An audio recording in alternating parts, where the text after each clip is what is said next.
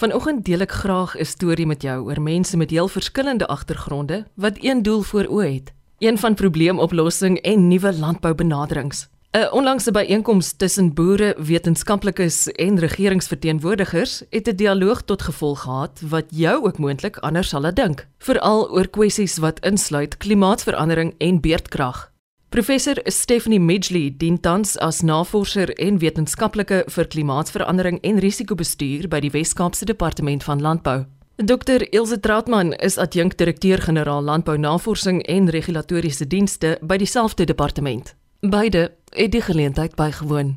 Eloise, goeiemôre en baie dankie vir die geleentheid. Ja, as ons sulke groot woorde soos multi-stakeholder dialogue, dan dink die mense o, jene hier's die die regering weer met sy groot name en groot planne wat op die einde tog nie realiseer nie. En ek wil tog vir die luisteraars vanoggend sê die Wes-Kaapse Departement van Landbou is trots om te sê dat ons baie nou met boere saamwerk en dat ons planne maak, maar dat ons planne saam met boere maak. En ek dink dit was ook dan die uitgangspunt van hierdie dialoog wat ons gehad het, 'n 1 en 'n half dae gesprek met 'n verskeidenheid van rolspelers insluitende boere want dikwels praat mense oor boere maar nie met boere nie. En ons het van ons klein boere daar gehad. Ons het van ons groot boere daar gehad en ons het uh, regeringsbeamptes daar gehad ook van ons nasionale regering. En ons wou regtig gehad dat dit almal koppe bymekaar sit en sê vandat julle as departement landbou in 2016 'n droogte dialoog gehad het wat hierdie afgelope 7 jaar gebeur. Nou ons luisteraars sal weet dat in die afgelope 7 jaar het ons dag 0 gehad, ons het droogtes gehad, ons het vloede gehad, ons het haal in die Langkloof gehad. Ons het hierdie ekstreme uitdagings in landbou gehad. Aan die een kant het ons voortgegaan om te produseer, maar onder baie moeiliker omstandighede. En die doel van hierdie gesprek was om te sê, wat het ons goed gedoen? Waar kon ons beter doen? Waar kan ons as regering saam met die boere sit en sê hier kan ons vir julle help om iets beter te doen? Ek dink ons het ook in 'n redelike situasie verval in Suid-Afrika dat daar hulp moet kom en die regering kan eenvoudig nie net meer finansiële hulp gee nie. Die geldpot is net te klein daarvoor. So ons moet ook tegniese hulp gee. Ons moet ook hulp fasiliteer. Kom ons praat byvoorbeeld van 'n gesprek met die banke om te sê hoe help ons boere met oorbruggingskapitaal. So daardie hulp is 'n baie groter mandjie as bloot net om te sê hier is droogtehulp en ons wil ook in in Stephanie sal ook later daarna verwys. Hoe maak ons seker dat ons wegbeweeg van 'n hier is 'n reaktiewe proses? Hier het nou 'n ramp gebeur kom ons kyk hoe ons vinnig ons self bymekaar kan kry tot 'n proses waar ons kan vooruitbeplan en waar ons kan planne maak om baie meer veerkragtig te raak, om baie meer slim te raak, klimaatslim te raak. Stephanie, dit was nog altyd jou navorsingsbenadering ook om nouliks met boere saam te werk. Dit is so belangrik, Eloise. Ons kan nie beklemtoon hoe belangrik dit en dikwels word dit vergeet want navorsers is so besig met hulle navorsing en en jy vergeet dat dit is die boere wat die werk doen en wat al daai kennis het en wat hulle stelsel, wat hulle klimaat, hulle grond, hulle plante, hulle vee so goed ken en ons moet saam met hulle werk. En ek het al as navorsing so ge, soveel geleer en aan die ander kant gee ons ook vir hulle inligting wat hulle kan benodig. En om seker te maak dat hulle dit wel kan prakties aanwend moet ons as navorsers ook goed luister en ons moet kyk wat doen hulle wat 'n mens miskien bietjie beter kan doen, bietjie hier skaaf, bietjie daar iets nuuts inbring of as ons van 'n tegnologie gehoor het, um, dat ons dit begin toets saam met hulle op hulle plase. Ja, dit is baie belangrik. Om die klimaatsdata met jou te bespreek is iets wat my eerstens baie na in die hart lê, maar dit is van 'n ongelooflike waarde ook vir boere en vir luisteraars vanoggend. Ja, die boere stel nogal baie belang in die klimaatsdata. So ons het verlede jaar het ons vir die navorsers, die klimatoloë by die Universiteit van Kaapstad gevra dat hulle vir ons 'n opdateringsstudie doen oor klimaat, nie net dit wat nou in die laaste 40, 50 jaar gebeur het, maar ook vir die toekoms. Hulle gebruik ons modelle om nou te kyk hoe lyk die toekoms dalk en dat ons dit saamvat in 'n verslag wat ons nou gebruik en ons interpreteer dit vir die boere en sê vir hulle ons dink dit is min of meer die toekoms wat ons voor moet beplan en gereed maak En hierdie verslag is beskikbaar. Die hele sektor is baie meer bewus daarvan dat ons data en ons moet wetenskaplike bewyse hê van wat gebeur wat ons gebruik vir ons uh, beplanning. Mense en wetenskaplikes soos julle maak dit julle werk om vir die boere te leer om 'n mate van onafhanklikheid te bereik en om saam met die natuur te werk. Kennis bemagtig ons. Dit is nie net dat ons sê o, dit gaan nou alles verskriklik wees en ons sit terug en ons doen niks nie. Die teenoorgestelde is eintlik die geval. As ons weet wat is aan die gebeur, dan kan ons mos ons planne maak en daar is natuurlik in die in die navorsing in die in die wetenskaplike uh, bewyse vir oor klimaat is daar natuurlik dinge wat ons baie bekommer en ons moet dit ook so sê maar aan die ander kant is daar ook baie baie goed wat ons kan doen. As ons dit verstaan en ons beplan en ons is slim. So ons probeer wanneer ons met die sektor praat met die boere dat ons hierdie dinge uitlig. Ons sê vir hulle ja ons dink dit gaan dalk 'n bietjie droër wees maar daar gaan nie elke jaar droogte wees nie. Daar gaan ook jare wees wat nog goed is wat nog goeie reën is. As ons daardie jare gebruik om water te bespaar, water te op te berg ensovoorts, net beter te werk met ons hulpbronne, dan kan ons verder goed doen in die landbou en en kos groei en ook uitvoer en en as 'n sektor groei en werkskepping ook. Ja, ek dink is belangrik um Eloise soos ek vroeër in die gesprek gesê het dat ons kan net help. Ons kan net help bestuur en ons kan net help slim planne maak as ons weet wat die probleme op grondvlak is. So die hele gesprek rondom meer klimaatsveerkragtig raak en vooruit beplan is eintlik 'n groepsoefening.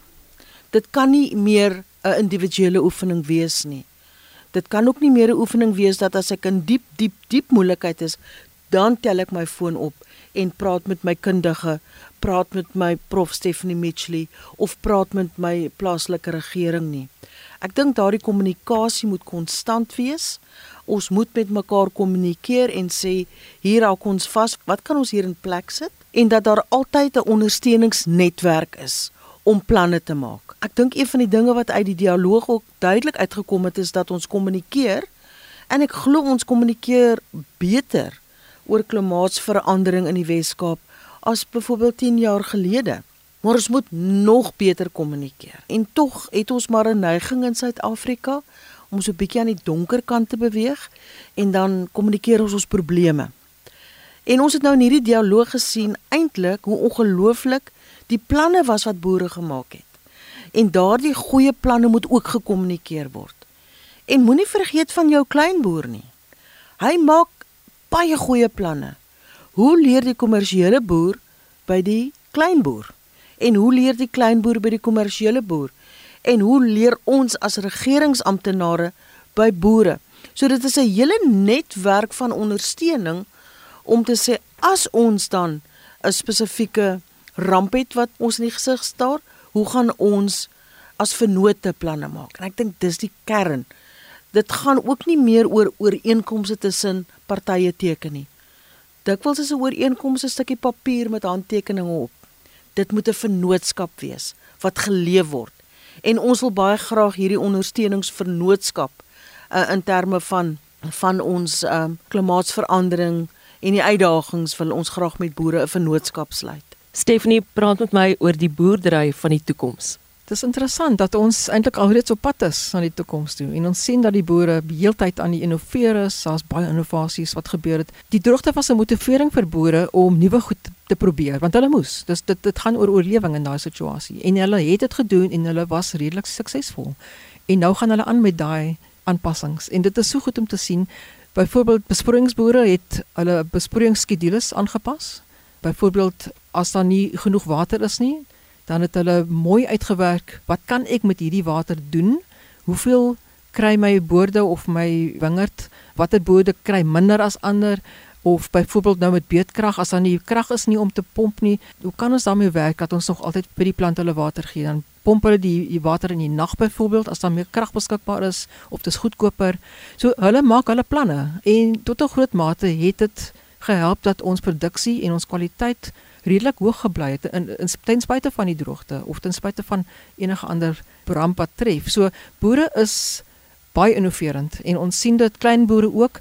Baie van die boere het begin om te diversifiseer en dit is definitief 'n plaas van 'n toekoms waar jy nie net heeltemal afhanklik is van een kommoditeit of een lyn van produksie nie, maar jy probeer verskillende goed. En jy plant so 'n bietjie groente en jy probeer dit en dat of 'n nuwe kultivar inbring. Dis wat hulle doen.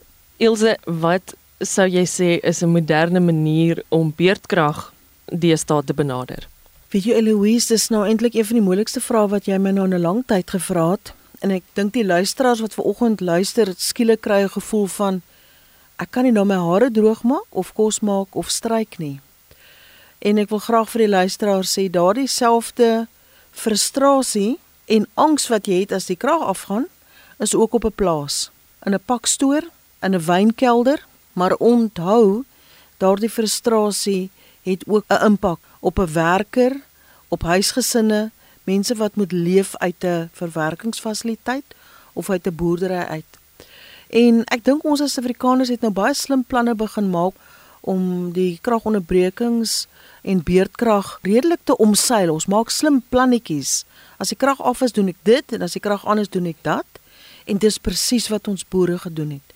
En ek moet regtig ver oggend my hoed afhaal, die die spreekwoordelike hoed afhaal vir ons boere wat ten spyte van die uitdagings van klimaatsverandering en ook ten spyte van die uitdagings van die Rusland-Oekraïne oorlog en ten spyte van beerdkrag nog steeds ons voedselmandjie volhou. En so Stephanie nou gesê dit gaan oor slim keuses. Kyk na wat het ek op my plaas? Wat is my hulpbronne? En spandeer 'n klein bietjie meer tyd aan vooruitbeplanning. En as ek maar kan teruggaan na my begin van hierdie gesprek oor beerdkrag, net soos wat jy planne maak by jou huis wat jy wanneer gaan doen so maak die boer nou ook planne met sy hulpbronne wanneer het ek water? Wanneer het ek krag? Wat moet ek aanplant? Kan ek nuwe kultivars aanplant? Moet ek regtig daardie kultivar wat maar vir my nie werklik die opbrengs gee wat ek wil hê nie maar wat ek maar altyd nog so bietjie getroetel het? Moet ek nou daardie besluit neem om te sê nou haal ek daardie blok of boord uit nie en belê in iets anders wat vir my oor die langer termyn 'n beter opbrengs gaan gee. So die die woord besluitneming het baie meer prominent in die laaste 5 jaar in landbou geraak. Daardeur wil ek nie sê dat boere nie in die verlede besluite geneem het nie. Maar dit is baie meer prominent. Daar's baie meer 'n besluitnemingsveerkragtigheid wat ek optel. Boere wat regtig dinge beredeneer, wat planne maak op die plaas, wat die risiko-analise maak van as ek hierdie praktyk doen, wat gaan die impak wees? As ek daardie ding doen, wat gaan die impak wees? En en ek regtig, ek dink ons boere raak nou nie net produksie slim nie, maar ook hulpbron slim, meer as ooit van tevore. Hulle is gedeel met 'n hand as ons na kaarte verwys wat nie altyd rooskleurig is nie, maar die vernuftige manier om daai kaartpakkies bymekaar te sit is iets wat ons by die dialoog ook gesien het wat ons regtig verstom het. Dit is nie net 'n donker prentjie nie. Wat my betref en wat ek sien as verslaggewer is dat ons hier staan aan die begin van 'n nuwe era. Jy is 100% reg. Eloise, by die dialoog het ons gesê alle moet die persone wat daar was gaan identifiseer vir ons twee negatiewe aspekte wat ons kan omdraai na positief En die twee aspekte wat uitgekom het was finansiële ondersteuning en die ander een was hoe kan ons beter met water met ons besproeiing en dis meer werk. Wat ons eintlik weet aspekte is wat eintlik die groot ehm um, as ek 'n Engelse woord kan gebruik, die game changer kan wees. Maar toe is daar ook die positiewe aspekte waar ons sê maar half ons twee aspekte wat gebeur het in die laaste klompe jare uit wat baie goed gewerk het en wat jy kan verbeter en selfs uitbrei. En die hande het opgeskiet want die een was produksiepraktyke. En ek dink ons boere het met hulle produksiepraktyke briljant gedoen. Die produksie was daar, die oeste was daar.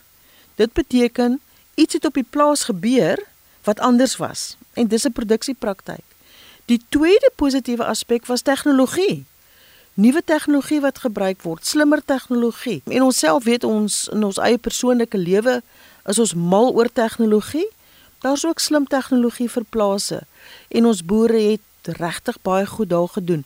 So aan die een kant die twee negatiewes wat ons kan omdraai en gaan probeer omdraai en die twee positiewes wat almal hand opgesteek het en gesê het ons kan hier nog selfs beter doen.